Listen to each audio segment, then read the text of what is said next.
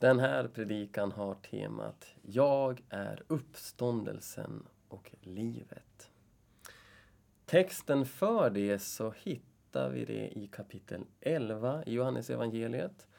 Och det är också hans sista tecken som han gör innan han går vägen mot korset. Som är det här sammanhanget i vart det är skrivet, det här citatet att jag är uppståndelsen och livet.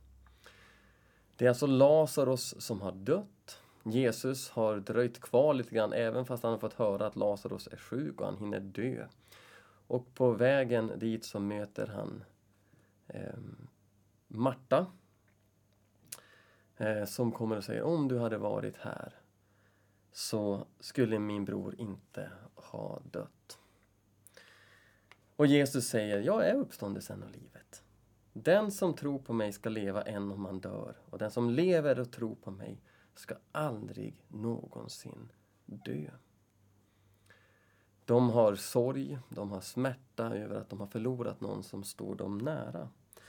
Och när någon när och kär dör så tänker vi många gånger på det här gapande hålet i den bortgången som lämnas kvar i våra liv, i ditt och mitt liv, vi som har haft någon som har gått bort från oss.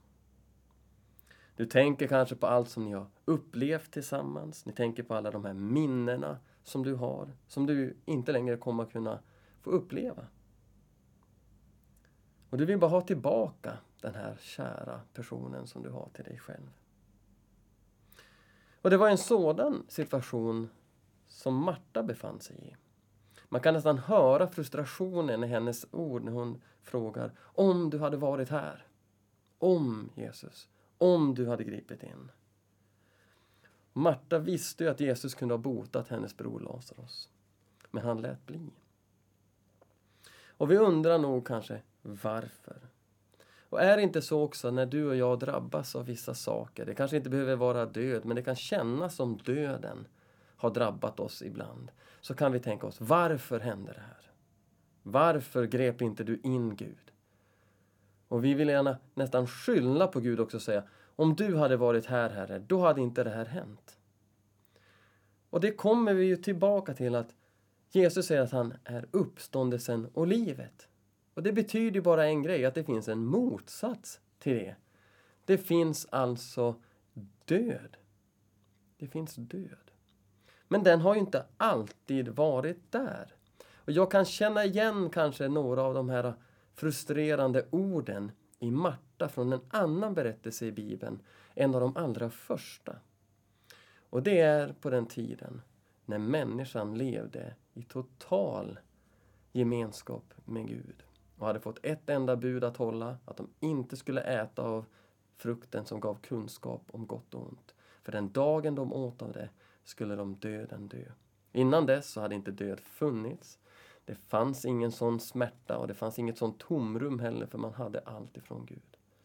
Men som vi känner till berättelsen också och som vi ser bara hur hela våran värld är drabbad av den här berättelsen och vårt eget liv så väljer Gud bort.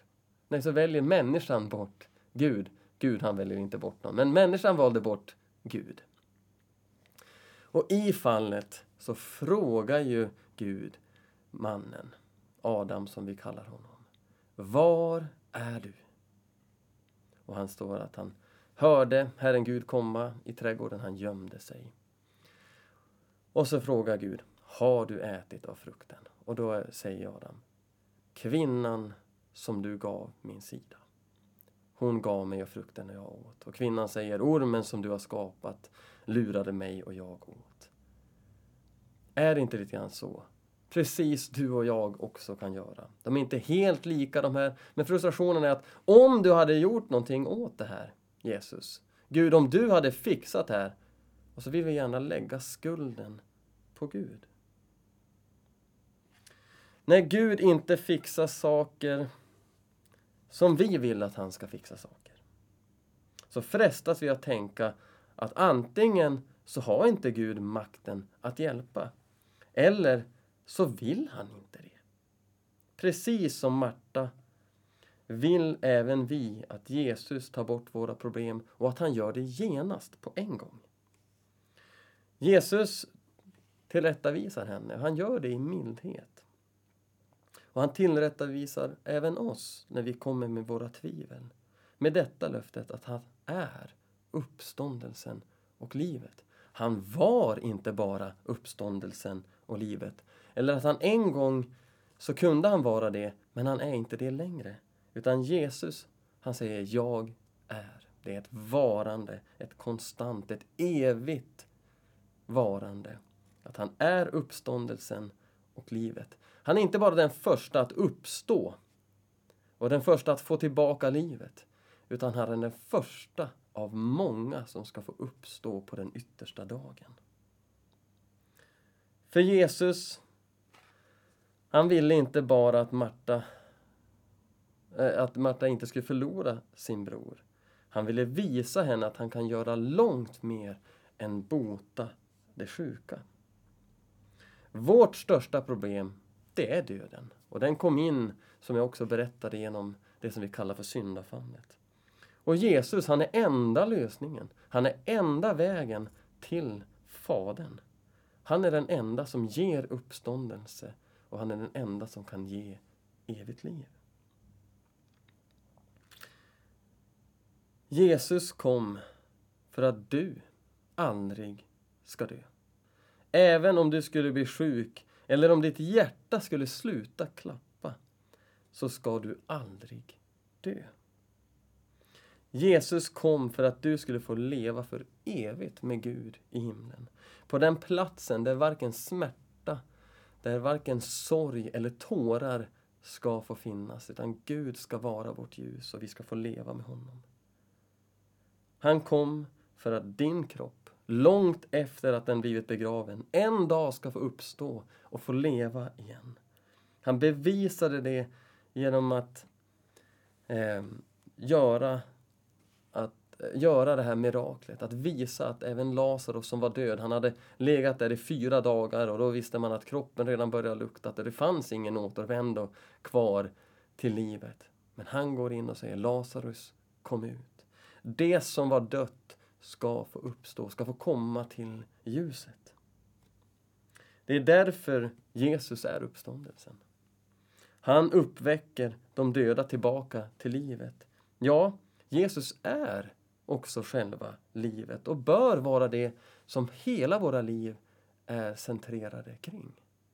Han bör vara själva centrum av allt som vi är och har. Därför att han vann livet för dig. Han dog också döden för dig. Och du får gå helt fri genom din tro på honom.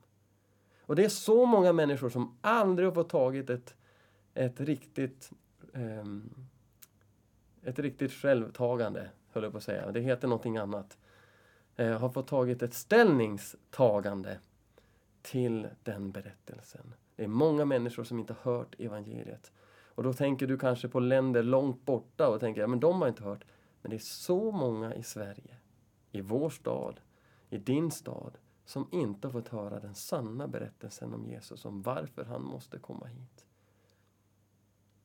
Att samma uppståndelse som du och jag får ta del utav, den får de också ta del utav genom tron på honom. Han gav sitt liv för att vi skulle få leva tillsammans med Gud för evigt. Medan du är här på jorden lovar inte Jesus en dans på rosor heller. Men han lovar att han ska ge dig styrka på färden. Lika säkert som att Jesus uppväckte Lazarus från de döda Lika säkert är det att du som tror på honom också ska få uppstå, du också. Och jag vet inte vart du är i ditt liv, i din vardag idag. Det finns den fysiska döden som på många sätt kan vara nog jobbig och vi kanske ängslas inför den. Men gör inte det. Ängslas inte för döden. Utan fokusera heller på det levande och på han som lever i evighet, Jesus Kristus. Men sen kan det också vara vissa saker då som känns dött. Vissa händelser vi har varit med om. Vissa delar där vi skulle vilja få säga förlåt till någon. Eller där man skulle få be om förlåtelse. För förlåtelsen har kraft. Förlåtelsen har kraft att göra det här som känns dött inom oss också till levande. Man kan kännas nästan här på jorden som att man får uppstå på nytt eller att man får känna sig eh, helt levande på nytt. Och Det blir en uppmuntran till dig och mig. Inte en lag, inte ett krav. Men också att ransaka våra hjärtan och se vad av det här döda kan jag få ge till honom som äger livet?